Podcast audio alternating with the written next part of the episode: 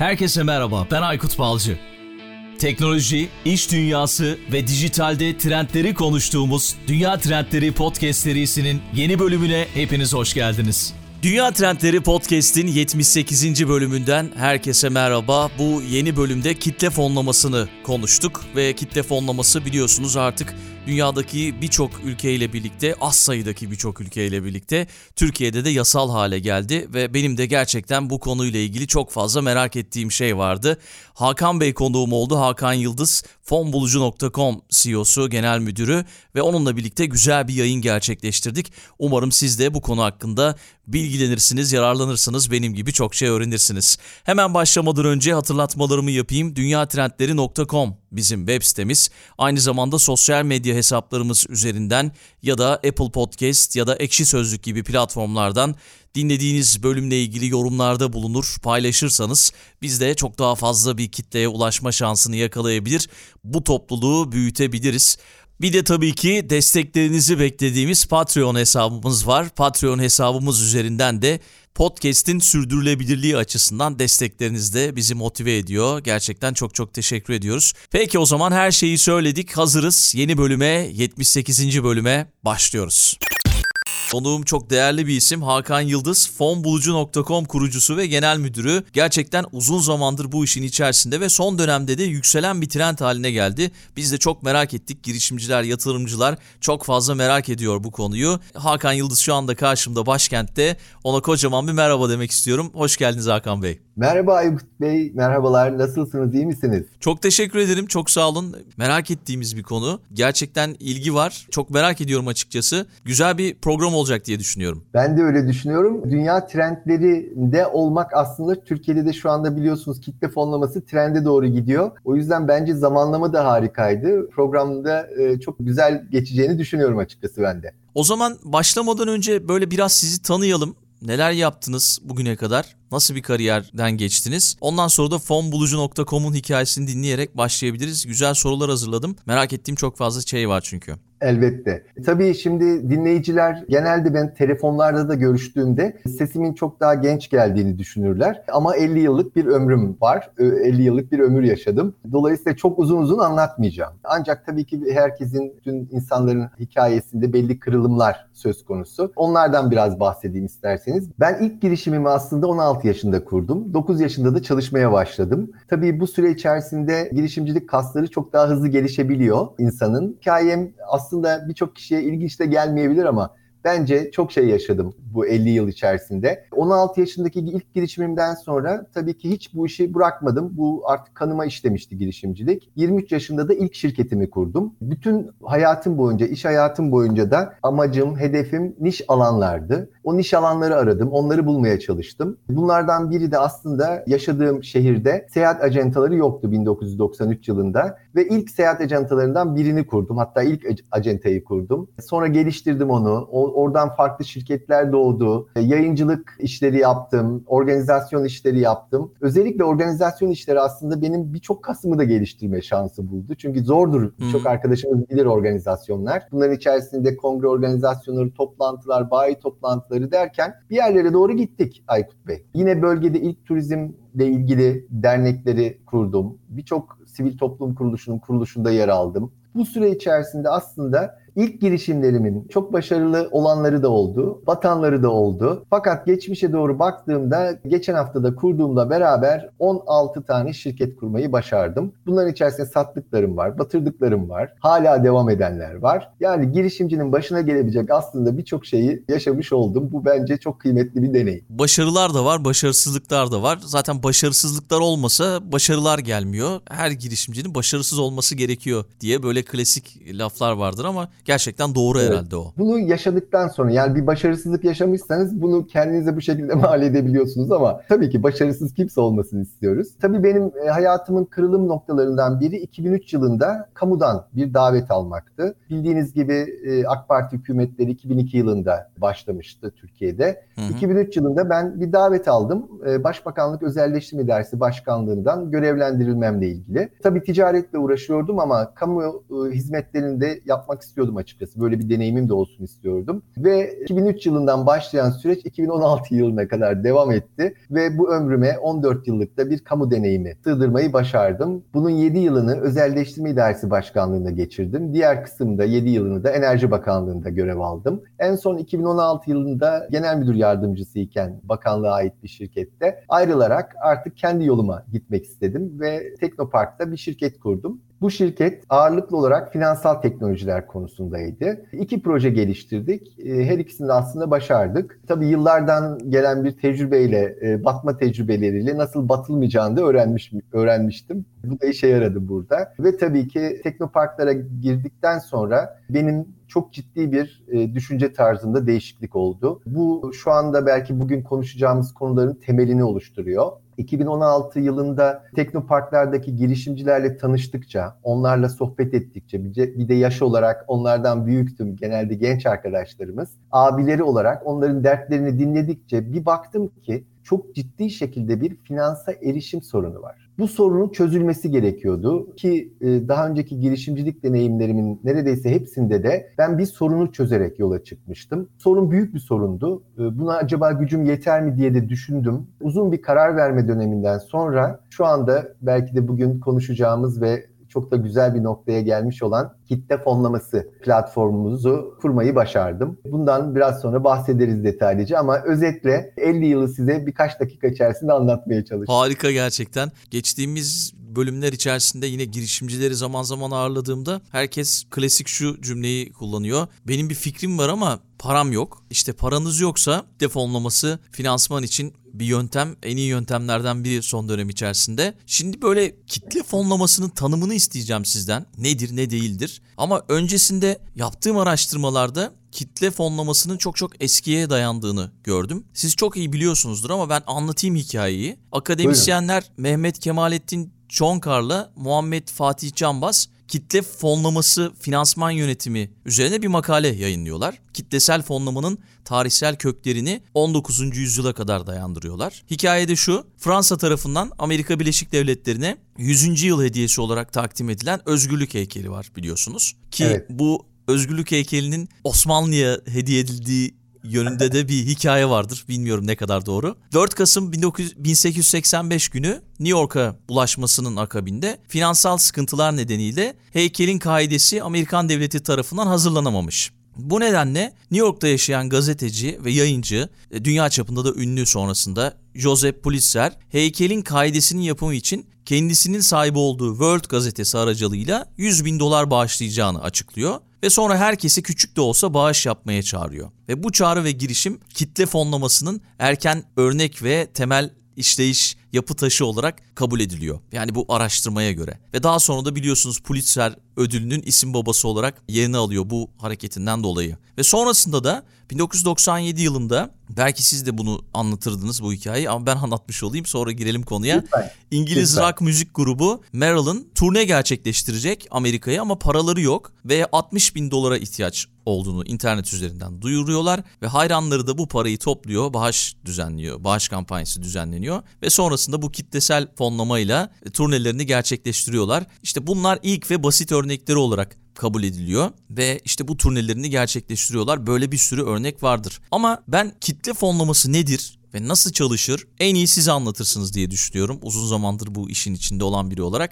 Bunu duymak isteriz. Anlatırsanız sevinirim. Anlattığınız çok güzeldi. Kesinlikle doğru örnekler. Aslında anlaşılması için de çok böyle akılda kalıcı örnekler. Fakat ben size daha ilginç bir şey söyleyeceğim. Hepimizin Anadolu'da yaşayanların bildiği bir konu var aslında. İmece var. İmece. Tabii. Evet. Şimdi imeceyi belki yeni nesil yeni duyuyor olabilir. İmece de neymiş diyebilirler ama imece şu aslında insanların bir ihtiyacı var. Komşusunun, mahallede yaşayan birinin, köyünde yaşayan birinin, akrabasının o ihtiyacını bütün yakınları, tanıdıkları yani network'ü bir araya gelerek o ihtiyacını gideriyor. Bu ev yaparken olabilir, evlenirken olabilir. Cenazelerde biz çok yaşarız biliyorsunuz. Herkes birer hmm. e, yemek yapar götürür. Evlenirken işte götürüp birer tane altın takarız. Bunların aslında hepsi bir imece. Bizim kültürümüzde bu çok eskiden var. Binlerce yıl var. Hı-hı. Şimdi biz biraz da aslında şunu seviyoruz. Burada biraz şey yapayım, kendi kültürümüzü öveyim. Kültürümüzde aslında birçok şey var. Ama biz nedense işte imeceyi crowdfunding olarak, kitle fonlaması olarak ithal etmeyi tercih ediyoruz. Fakat kendi kültürümüze dönüp baktığımız zaman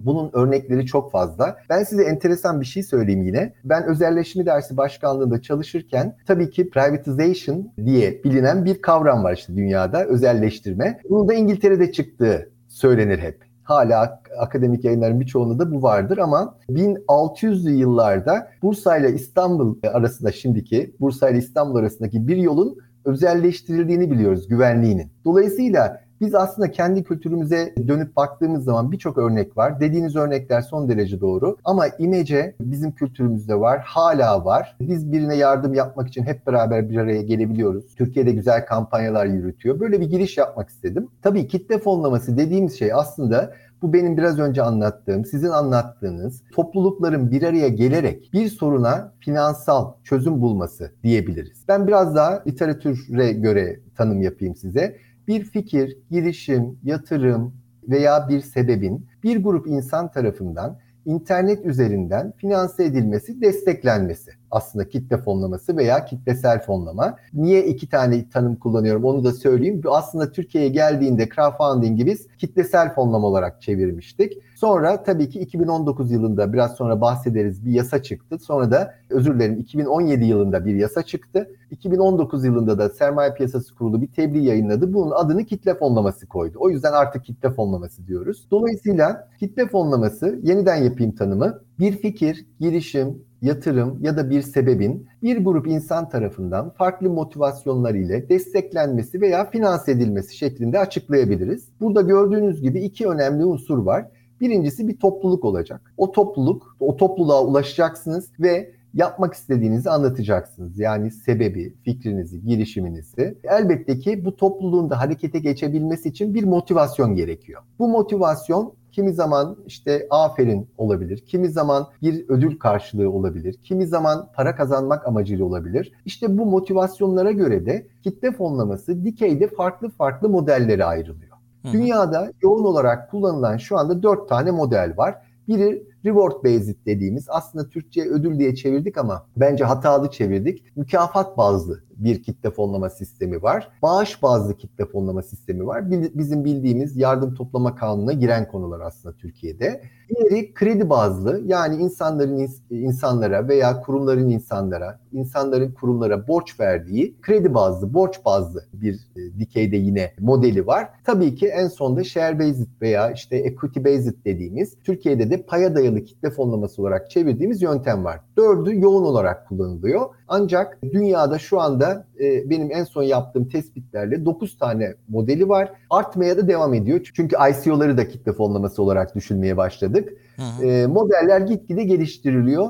Buradaki sizin verdiğiniz örneklerle benim verdiğim işte Anadolu'dan gelen örneklerin aslında şu andaki tanımı insanlara kolay ulaşabilmeniz, ölçeklenebilmesi. Bir konunun eğer ortaya değer olarak çıkmasını istiyorsanız ölçeklenmesi gerekiyor. Etkinin büyümesi gerekiyor. Bunu da internet üzerinden, sosyal medya üzerinden yaparak kitle fonlamasını büyük hareketler şeklinde yapabiliyoruz artık. İmece dediğimiz olay tabii ki çok eski ve köylerimizde hala devam ediyor. Orada tabii biraz finansal anlamda da ve iş gücü anlamında da hizmet anlamında da devam ediyor. Çok da güzel aslında yani hiç unutmamamız gereken bir şey. Kitle fonlamasının hangi yöntemler kullandığını soracaktım. Onları anlattınız ve bağış yöntemini de çok fazla podcasterlar kullanıyor biliyorsunuz. Patreon üzerinden destekçilerimiz var. Hatta benim de destekçilerim var. İşte onlar bu podcast'in sürmesi için bir takım ekipman ihtiyacımız oluyor. İşte ses sistemini daha iyi hale getirmemiz için bir takım finansman ihtiyaçları oluyor. Onları dinleyicilerimiz karşılıyor. Mesela bu da bir örnek bağış yöntemini podcasterlar kullanıyor. Diğer yöntemleri işte farklı farklı girişimler kullanıyorlar.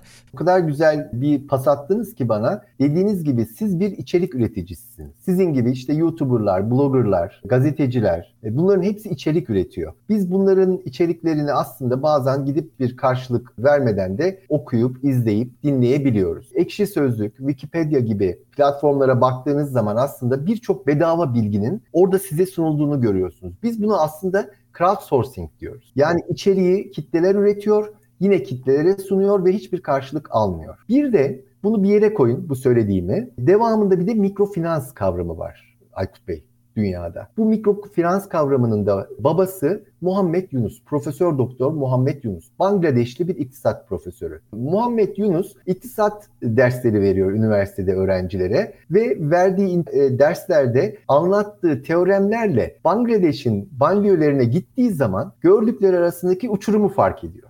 Yani klasik bir e, iktisat teoreminde aslında bütün ülkedeki vatandaşların işte sosyal devlet düşüncesiyle huzurlu, mutlu olması gerekiyor. İşte yaşamlarını en azından kimseye muhtaç olmadan yürütmesi gerekiyor. Fakat bu teoremler arasındaki farkı görünce öğrencilerini topluyor ve Bangladeş köylerine gidiyor. Orada bambudan sepet ören kadınlarla konuşma şansı buluyor ve e, soruyor onlara bu bambu işte sepeti veya ne diyelim ona iskemleyi nasıl ürettiklerini soruyor ve kadınlardan aldığı cevap şu. Bir penny bizim aslında bunun maliyeti var fakat bu paramız olmadığı için biz gidip bu finansı bize sağlayan birinden bir peni alıyoruz. Ona iki peni ödüyoruz. Bu e, sepeti de üç peniye satıyoruz. Yani aslında ciddi şekilde bir finansman maliyeti olduğunu görüyor orada. Eğer bu para ceplerinde olsa iki peni kazanacakları yerde kendileri bir peni kazanıyor. Böyle bir sorunu görüyor Muhammed Yunus ve bunu nasıl çözeceğini düşünürken 36 poundluk bir bütçe oluşturuyor kendi cebinden ve 40 tane kadına bu parayı dağıtıyor. Bu parayı dağıttıktan sonra kadınlar e, borç almak yerine, finansal maliyete katlanmak yerine ham maddelerini gidip alıp sepetlerini örüyorlar ve satmaya başlıyorlar. Muhammed Yunus'un 36 poundunu da geri ödüyorlar. Şimdi bunu niye anlattım size? Muhammed Yunus buradan bir sonuç çıkarıyor ve köy bankasını kuruyor Bangladeş'te. Hatta bütün finansal çevreler de kurmamasını istiyor. Çünkü mikrofinans biraz e, şeydir, etkisi yüksektir. Özellikle kredi veren kuruluşları korkutur. Köy bankası çalışıyor. Çok güzel mikrofinanslar sağlıyor insanlara. Hatta Türkiye'ye de gelmişti Muhammed Yunus ve Nobel ödülünün sahibi şu anda. Ekonomi Nobel ödülünün sahibi. Bunu niye anlattım size? Demin söylediğim crowdsourcing vardı ya içerik üretmek. O içerik üretmeyi siz yanına mikrofinansı koyun. İkisini birleştirin. İşte size kitle fonlaması. Demin anlattığınız şey biz içerik üretiyoruz işte bazı platformlar üzerinden destekler alıyoruz insanlardan dediğiniz şey şu içerik üretin size de destek olsunlar mikrofinansla bu doğrudan bir kitle fonlaması hareketi. Gayet iyi anladık gerçekten. Örnek de çok iyiydi. Ama galiba bu birazcık kitle fonlaması dediğimiz durum dijital dünyaya adapte olmuş kişilerin daha çok alışkın olduğu bir durum. Çünkü beni dinleyenler zaman zaman şey diyorlar. Ya biz sizi dinliyoruz. Çok güzel içerikler yapıyorsunuz. Bunun karşılığında da biz size bir şey ödeyemiyoruz. Yani karşılığını veremiyoruz. O yüzden hani bir şey yapın, bir şey açın ki en azından ufak da olsa bir katkımız olsun gibi böyle dijital dünyayı çok yakından takip eden belki yeni jenerasyon bunu tırnak içinde söylüyorum. Daha bu konuda hevesliler diye düşünüyorum. Bilmiyorum. Çok doğru tespit. Zaten bizim de yaptığımız tespitlerde 24-35 yaş arası şu anki dönemde 24-35 yaş arası ciddi şekilde kitle fonlamasının anlamını çok iyi kavruyor. Ne demek olduğunu, nereye gideceğini, bunun da ne sağlayabileceğini çok iyi biliyor. Dolayısıyla sizin verdiğiniz örnek de çok güzel. İçerik üreticilerinin desteklenmesi gerekiyor ve bu yapı eğer gerçekten kullanılmaya başlarsa tamamen daha çok içerik üretilecek. Daha güzel içeriklere ulaşabileceğiz. Onun için güzel bir örnekti sizinki de bizimkini destekleyen. Belki buradan şeye girebiliriz. Fonbulucu.com'dan bahsedebiliriz. Merak ediyorum çünkü yasal anlamda siz geçtiğimiz günlerde bir takım atılımlar yaptınız galiba. Yasallaştı bildiğim kadarıyla. E son dönem içerisinde evet. de biliyorsunuz böyle işte bu Bitcoin yüzünden bir takım güvensizlik durumu söz konusu tabii, diyeyim. Tabii Türkiye'de para toplama faaliyeti ciddi şekilde sıkıntılı bir iş. Çok haklısınız. Ama yani şimdi Hakan Bey ben baktım araştırdım. Şimdi devlet epey bir zamandır bu işin üzerine çalışıyormuş anladığım kadarıyla. Yani epey bir zamandır yasallaşmasını bekliyorsunuz herhalde. Şimdi yasallaşmış durumda ve bununla ilgili de bir mevzuat yayınlandı galiba. Böyle 25-26 evet. sayfa yanılmıyorsam. Buradan da şunu çıkartıyorum. Hani gerçekten bunu devletler de ciddiye almış durumdalar. İşte siz hem bu yasal konulardan belki bahsedersiniz. Şu anda fonbulucu.com'da neler yapıyorsunuz? Girişimci projeleri için nasıl finansman sağlıyorsunuz? Belki bunu anlatırsınız bize. Tabii ki. Deminkiler biraz aslında konuştuklarımız işin hikaye kısmıydı. Yani buraya nasıl Aynen. gelindi e, anlamak gerekiyordu. Artık ciddi bir şeyler konuşmaya başlayalım evet. o zaman. Bizi dinleyen girişimciler de varsa ya mikrofinansta bana bir penimi verecek. Bu arkadaş onu mu anlatıyor falan demesin. Yani bir ee, milyon kişi bir peni verirse iyi güzel olur. evet zaten amacımız da o. Tabii burada biraz süreci anlatayım ben size. Çünkü Türkiye gerçekten bu konuda girişimcilik ekosisteminin finanse erişimi konusunda çok ciddi adımlar attı. Süreç 2015 yılında başladı. 2015 yılından Türkiye Büyük Millet Meclisi'nde konuşulmaya başlandı yasa ve 2017 yanılmıyorsam Kasım ayıydı. 2017 Kasım ayında aslında Türkiye'de kitle fonlaması yasallaştı. Sermaye Piyasası Kurulu'nun yasasına birkaç madde ilave edilerek konu yasallaştı ve tabii ki Sermaye Piyasası Kurulu da görevlendirildi. Ne için? İkincil mevzuat yani tebliğ için. Belki bilmeyen arkadaşlarımız olabilir. Önce yasallaşır bir konu onu açıklayayım ben. Az maddelerle 4-5 maddeyle o madde içerisinde de bunun nasıl uygulanacağına dair yönetmeliğin, tebliğin hazırlanması için de kurumlara yetki verir e, yasa koyucular. Burada da Sermaye Piyasası Kurulu yetkilendirildi. Biz Sermaye Piyasası Kurulu ile çok yakın çalıştık. Derneğimizle işte bu, bu konudaki paydaşlarla beraber aslında çalıştaylar düzenledik, forum düzenledik, toplantılar yaptık. Bir taslağa ulaşıldı sonuçta ve 2019 Ekim ayında da aslında Sermaye Piyasası Kurulu Türkiye'deki girişimcilerin finansma, finansmana erişimi ve yatırımcılar için de yeni bir yatırım aracı olan paya dayalı kitle fonlaması tebliğini yayınladı. Önemli bir konu. Bunun üzerinde biraz durmak istiyorum eğer müsaade ederseniz. Çünkü dünyada bunu regüle eden 7. ülkeyiz. Yani o kadar ülke var dünyada. Buna daha hala e, farklı yaklaşanlar, uzak duranlar var.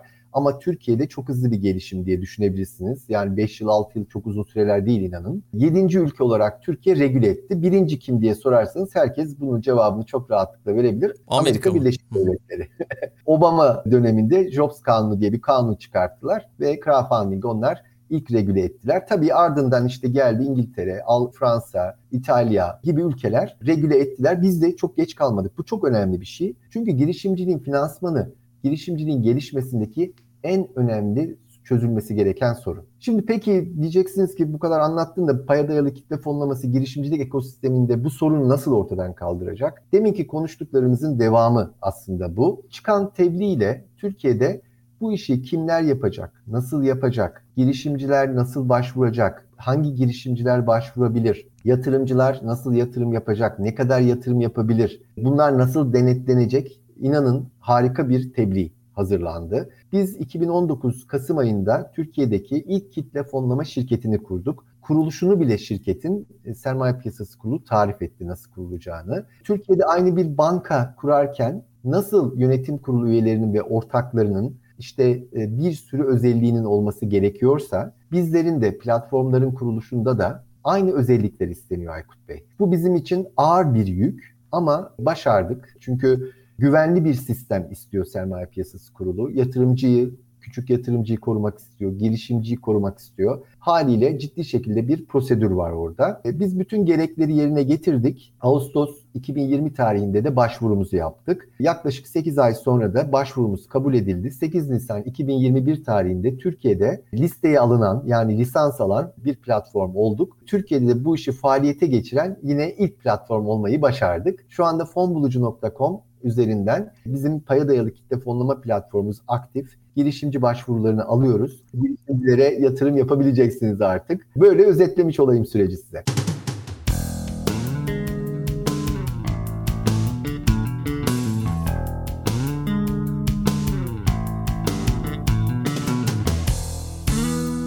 Fonbulucu.com'da sistem biraz nasıl çalışıyor? Belki bundan bahsedebilirsiniz. Yani yatırımcı Burada kafasında soru işaretleri oluşmuyor mu? Nasıl takip ediyor? Bürokratik işleri nasıl hallediyorsunuz? Bu açıkçası merak edilen bir konudur. Çok soru gelen bir konudur diye düşünüyorum. Aykut Bey, siz ve dinleyen yatırımcılarımız sıkı dursun. Hiçbir bürokratik işlem yok. Şimdi bu Süper. olmadığını olmadığını söyledim. Aslında cevap vermiş oldum ama detaylandıralım. Şimdi tabii insanlar inanmayacak buna. Yok canım falan yapacaklar. Hiçbir bürokratik iş yok. imza yok, kağıt yok, noter yok. Ticaret sicil işlemi yok. Şimdi bunların hepsini biz tabii yok derken bunların hepsini dijitalize etmiş durumdayız. Sistemin hmm. %96'sı dijitalize edilmiş durumda. Hemen bir örnek verelim. Hatta sizi yatırımcı yapacağım ya illaki. Sizin üzerinizden gidelim. Aykut Balcı fonbulucu.com'a geldi. e-postasını ve cep telefonunu doğrulayarak sisteme giriş yaptı. Daha sonra yatırımcı kayıt formunu doldurması gerekiyor. Orada birkaç bilgiyi daha girdi. Sonra dedik ki sizin Aykut Balcı olduğunuzdan bizim emin olmamız lazım.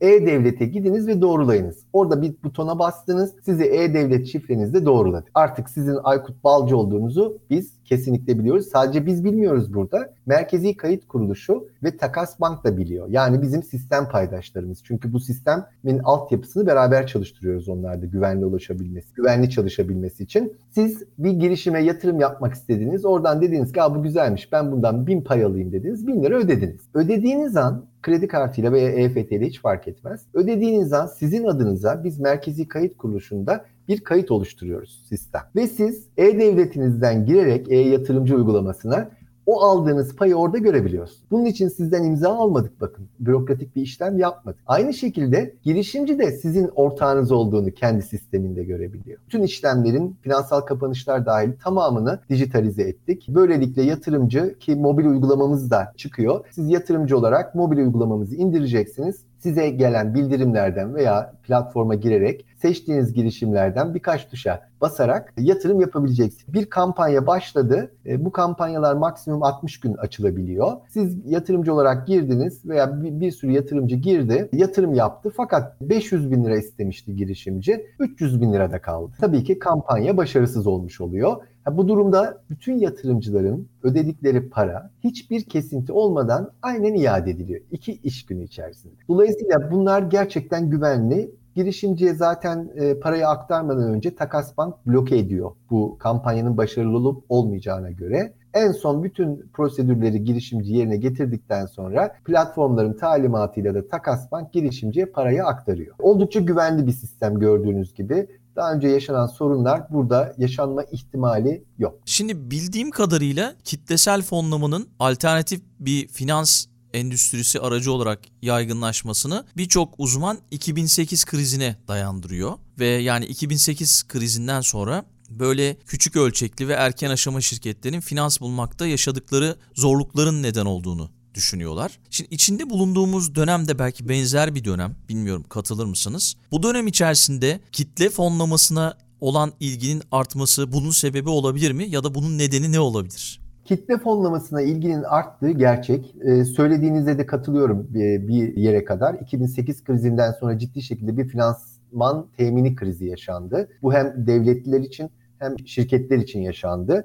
Bunun çözümü olarak tabii ki Rakamlar çok küçüktü o dönemde kitle fonlamasında. Bunu çözdü şeklinde söylemek belki doğru olmaz. Sadece oraya katılmayabilirim. Ancak 2008'den sonra dünyada da baktığınız zaman internet kullanımının artış hızı, sosyal medyanın e, kullanımının artış hızı Bunlar aslında kitle fonlamasını destekleyen unsurlar. Burada çünkü eğer siz bir topluluk oluşturursanız başarılı oluyor finansman temininiz. Hatta birkaç böyle detaylandırarak anlatayım. Dünyaya baktığımız zaman bir kampanyaya en fazla destekçi nerede gelmiş? İngiltere'de. 72 bin tane Aykut Bey. Bir kampanyaya 72 bin yatırımcı, bunun içerisinde kurumsal da var, bireysel de var. 72 bin kişi destek oldu. Şimdi topladığınız paranın burada kıymeti yok. Niye yok? Çünkü 72 bin tane ortağınız var demek. Şimdi böyle bir girişimcinin düşünün, hayal edin. 72 bin tane marka elçisi var. 72 bin tane ürününün veya hizmetinin alıcısı söz konusu potansiyel. Böyle bir girişim batmaz. Şimdi buradan yola çıkarak şunu söyleyeyim size. Çoklu yapılı, çoklu ortaklı yapılarda aslında başarılı olma şansı daha yüksek. Fakat burada kitle fonlamasının amacından da sapmaması gerekiyor. Siz bir girişimcisiniz. Yola çıktığınız zaman önünüze çıkacak en büyük engel eğer kendi kaynaklarınız yoksa finansa erişim. Peki finansa erişim tek başına yetiyor mu? Gidip kredi alabiliyorsunuz bankadan. Yetmiyor. Finansa doğru zamanda erişmeniz gerekiyor. Hmm. Finansa uygun maliyetli erişmeniz gerekiyor girişiminizi geliştirmek için. İşte bunları kitle fonlaması sağladığı için son yıllarda çok ciddi bir trend var. Hatta şimdi rakamları vereceğim size. Belki de şaşıracaksınız. 2020 yılında 500 milyar dolarlık bir hacme ulaştı. Hatta 524 milyar dolar. Bu o toplam, inanılmaz. 520 toplamda, milyar dolar. Toplamda talep edilen fon miktarı. Yani kitle fonlaması sistemiyle 500 milyar doların üzerinde bir fonlama talebi oluştu. Diyeceksiniz ki Hakan Bey tamam da bunun ne kadarı toplandı? Onda da sıkı durun 100 milyarı geçti. 102 milyar dolarlık bir fon toplandı bu sistemle. Peki 102 milyar doların dağılımı nasıl diye sorabilir şimdi arkadaşlarımız belki. Bunun %60'ı kredi bazlı arkadaşlar.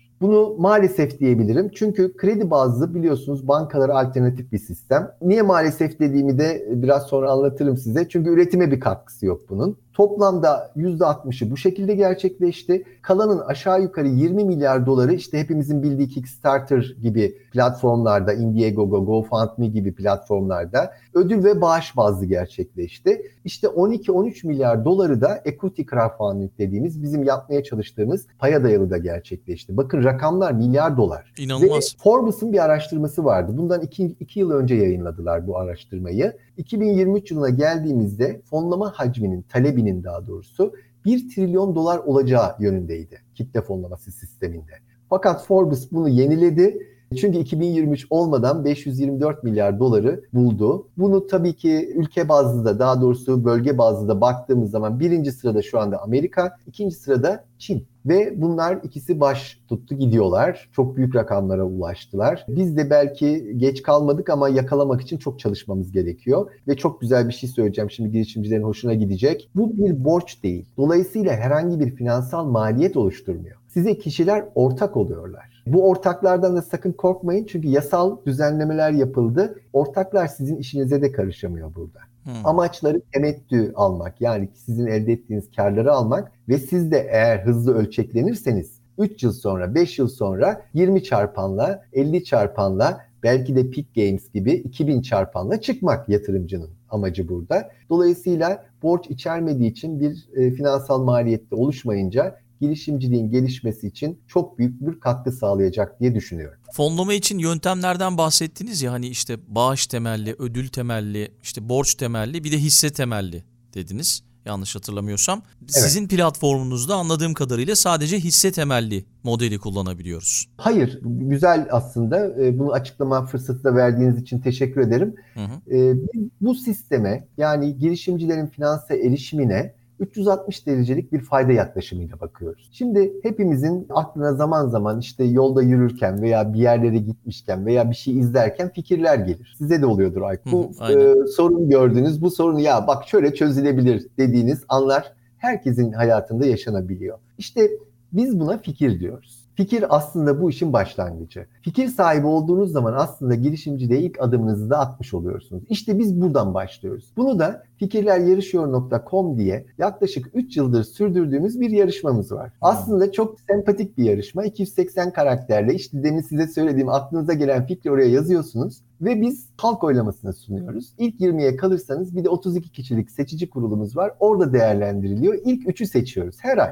istisnasız. Bu ilk, ilk üçü niye seçiyoruz peki? İşte bu fikirleri Aykut Balcı'nın fikrini projeye dönüştürmesi için ona birinciye 10 bin, ikinciye 7500, üçüncüye 5000 liralık finansal destek sağlıyoruz. Eş finansman diyoruz buna. Yalnız bu parayı da öyle hemen vermiyoruz. Bakın ne yapıyoruz? Girişimcinin fikir aşamasında ihtiyaç duyduğu fon projeye dönüştürürken daha da artıyor Aykut Bey. Ve o esnada biz Reward diye bir platformumuz var. Yani mükafat bazlı kitle fonlaması yaptığımız platformumuzda bir proje yazmasını istiyoruz ve kitlelere sunmasını istiyoruz. Orada ne kadar toplarsa bizim demin söylediğim rakamlar kadar da bir eş finansman sağlıyoruz. Yani 10 bin lira topladı kitlelerden biz de ona 10 bin lira eş finansman veriyoruz. Böylelikle fikir girişim yolculuğundaki ilk basamak olan projeye dönüşüyor. Peki bırakıyor muyuz girişimciyi burada? Bırakmıyoruz. Bir üst aşamaya işte paya dayalı kitle fonlaması dediğimiz, hisse bazlı kitle fonlaması dediğimiz eğer bir projeye dönüşmüşse girişim, girişim şirketine de dönüşür diye düşündüğümüz için buraya havale ediyoruz. Burada da işte yasa gereği artık çok daha rahat yapabileceğimiz, herkesi ortak olarak çağırabileceğimiz yapımız çalışmaya başlıyor ve girişimci girişim şirketini kursa da kurmasa da kurmadan da başvurabiliyor bize. Projesini anlatıyor yatırımcılara inandırabilirse, ikna edebilirse yatırımcılar da ona ortak oluyorlar ve bir üst, aşamaya geçiyor. Çünkü bu işin sonunda artık ona şirket kurma zorunluluğu var yasa gereği. Şirketini kurduruyoruz girişim şirketini. Yine bırakmıyoruz yakasını. Girişimcini böyle sıkı sıkı tuttuk Aykut Bey. E, diyoruz ki sen şirketi kurdun, yatırımcıdan ilk turunu da tamamladın, fon aldın. Gel seni melek yatırımcılarla tanıştıralım diyoruz ve melek yatırımcılık ağımıza götürüyoruz onu. Yine bırakmadık. Sonra diyoruz ki sen büyüdün artık ölçeklenmeye başladın. Bak kârda etmeye başladın, fatura kestin. Seni VC'lerle tanıştıralım deyip girişim sermayesi yatırım fonumuz var. Oraya götürüyoruz. Artık bu aşamadan sonra da bizim ona yapacaklarımız bitiyor private equity'ye uğurluyoruz. Kurumsal yatırımcılara uğurluyoruz. Böyle bir 360 derecelik yaklaşımımız var. Sonuç olarak girişimciler için hem maddi hem manevi bir destek sağlamış oluyorsunuz ve o çok önemli. Girişimciler için faydaları bunlar. Peki yatırımcılar için ne gibi faydalar var kitlesel fonlamanın? Şimdi yatırımcı ve girişimci iki sistemi, daha doğrusu e, bir ekosistemin iki ana parçası yatırımcı ve girişimci. İlla ki birbirimize ihtiyacımız var. Ben de bir melek yatırımcıyım bu arada. Benim de melek yatırımlarım var. Bundan sonra da daha fazla olacak. Burada yatırımcı için aslında demin anlattığım seviyeler her bir seviye bir yatırım fırsatı. Fikir aşamasında da girebilir, onu çağırıyoruz. Proje aşamasında da girebilir, girişim şirketi kurarken de girebilir. Aslında bu araçlar, demin size anlattığım araçlar girişimcinin finansmana erişimini sağlarken yatırımcıya da her seviyede fırsat sunuyor. Hı hı. Hatta biz böyle ilginç de bir şey yaptık. Sonuçlarını da göreceğiz. Yatırım bariyerini 1 liraya indirdik. Yani 1 lira ile siz gerçekten bir girişimciye yatırım yapabilirsiniz. Dikkat ederseniz son dönemlerde girişimcilere çok yatırım duyuyoruz. Ama yüksek tutarlı yatırımlar da oluyor ve onlar da işte bir kişinin veya bir VC'nin liderliğinde 5-6 bilemediniz 10 tane oluyor. Çok küçük kalıyor yapı. Niye? Çünkü orada ticket size'lar var. Melek yatırım ağları ve VC'ler o yatırımı gerçekleştirebilmek için her kişi için veya kurum için bir ticket size uyguluyor. O da ister istemez tabana yayılmasını önlüyor bu yatırımların. Biz bunu acaba başarabilir miyiz diye düşündük ve böyle bir yöntem bulduk. Bunun da testini yapmış olacağız. 1 lirayla bile bir öğrenci, 18 yaşından büyük bir öğrenci, asgari ücretli biri dahi e, sistemi kullanarak yatırım yapabilecek girişimcilere istediği aşamada. Bir de galiba girişimciler tarafında şöyle bir avantajı da var. Mesela sizin bir platformunuz var. Benim bir fikrim var. Fikrim proje aşamasında işte finansman desteği istiyorum e, ve bunu aynı zamanda duyurmak da istiyorum. Ama nasıl duyuracağım? Reklam yapmam lazım. O da bir finansman. Sizin platformunuz aracılığıyla da o girişimden haberdar olanlar da olabilir. Böyle bir avantajı da var anladığım kadarıyla. Kesinlikle doğru. Burada da aslında biz girişimciyi yalnız bırakmıyoruz. Şöyle düşünün. Girişimcinin e, fonlamayı başarması sadece kendi başarısı olmayacak. Biz de iyi çalışırsak yani platformlar olarak doğru ve iyi çalışırsak ortaya bir başarı çıkacak. Bir de bizim kazancımız girişimcinin fonlamayı başarmasıyla doğuyor. Yani biz eğer para kazanmak istiyorsak da ki o motivasyondur sonuçta. Girişimcinin bu fonlamayı başarmasını hedefliyoruz. Peki bunun için ne yapıyoruz? Girişimci bize başvurduktan sonra kullanacağı platforma göre değişmekle birlikte biz kampanyasını önce üçe bölüyoruz. Kampanya öncesi, kampanya esnasında ve kampanya sonrasında. Bu üç durum içinde farklı iletişim stratejileri uyguluyoruz. Bizimle beraber çalışan bir PR şirketimiz var, ajansımız var, grafik tasarım ajansımız var. Onlarla beraber çalışıyoruz. Girişimci bize geldikten sonra kampanyasını hazırlık sürecinde her türlü desteği veriyoruz. Zaten paya dayalı kitle fonlamamızda başvuru yaptıktan sonra kendisine bir danışman atanıyor. O, o danışmanla beraber kampanya öncesi sürecini yürütüyor. Şimdi bu üç aşamada uygulayacağımız farklı stratejilerden bahsetmiştim biraz önce kampanyaya çıkmadan önce aslında biz bu kampanyayı nasıl yürüteceğimizi, hangi aşamalarda ne tür reklam destekleri, tanıtım destekleri yapacağımızı, hangi televizyonlarda, hangi gazetelerde veya hangi radyolarda ne tür spotlar çıkacağımızı başta planlıyoruz. Bununla ilgili özel bir departmanımız var.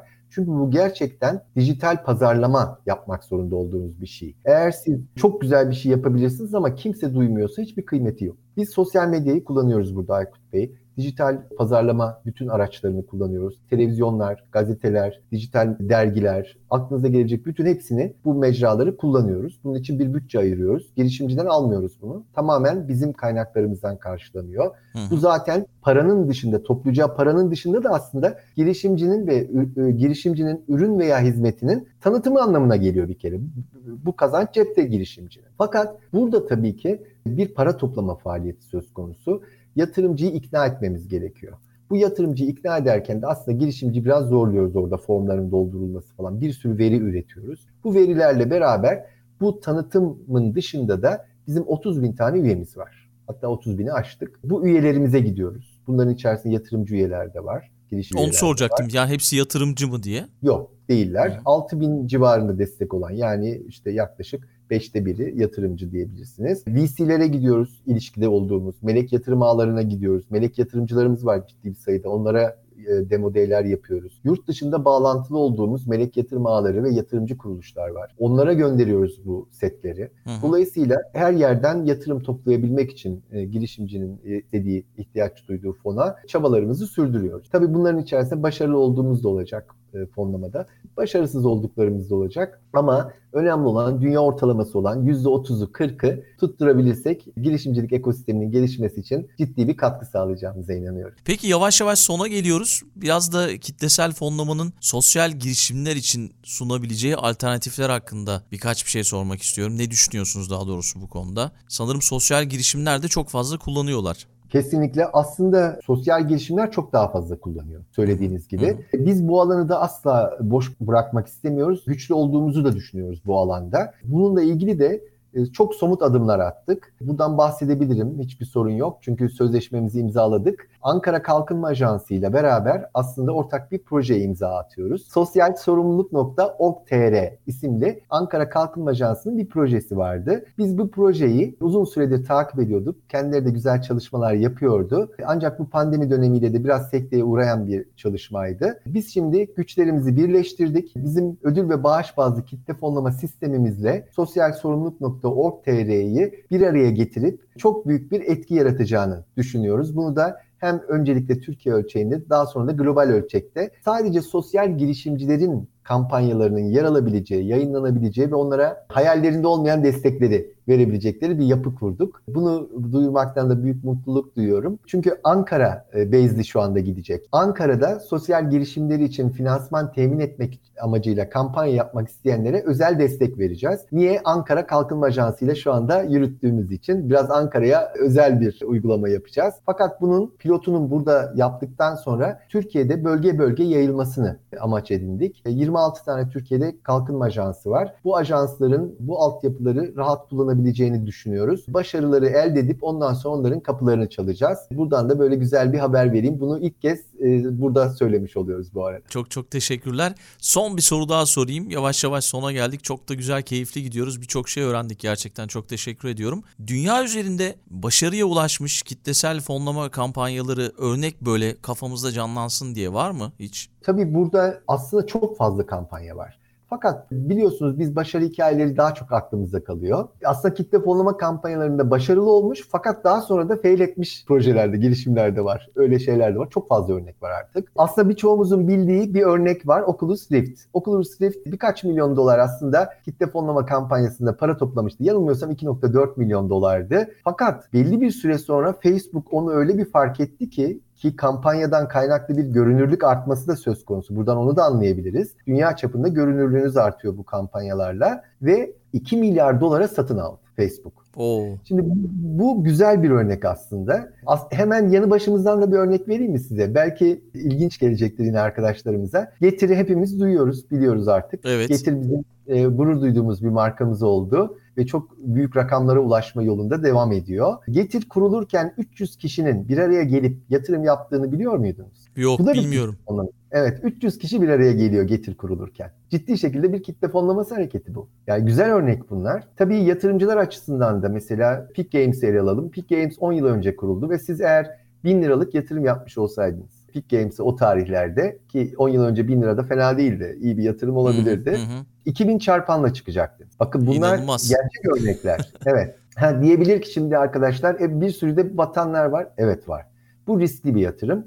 Niye? Erken aşama girişimlerine yatırım yapıyoruz. Fakat bunu da biz nasıl hallediyoruz? Portföy yapıyoruz. En az 10 girişime biner lira yatırım. Unutun ondan sonra. Niye olmasın? Yani hatta belki tanırsınız RSFM'den Serhat Ayan. Hı, evet biliyorum. Ee, Serhat Bey'le biz bir program yaptığımızda harika bir şey söylemişti. Bunu burada paylaşayım mutlaka. Kendini de sitem ederek söyledi bunu. Dedi ki ben e, Mac bilgisayarı aldığım tarihte bu bilgisayarı almak yerine Apple hissesi alsaydım şimdi evim vardı Hakan Bey. Ya Dolayısıyla bu işe inanalım hep beraber. Başaranlar da başaramayanlar da çıkacak. Ama birlikte hareket etmek burada çok önemli Aykut Bey. Topluluğun bilgeliği diye bir biliyorsunuz kavram var. Binlerce insanın ortak olduğu yapılarda inanın başarı şansı daha yüksek. Düşünün bir girişimin bir X kamu kurumuyla bir görüşme ayarlamak istiyor. Ürününü satacak. Çok güzel bir ürün üretmiş fakat bağlantı bulamıyor. Sizin bin tane ortağınız olsa onlara mail atsanız çıkmaz mı bir kişi oradan illaki tanıyan?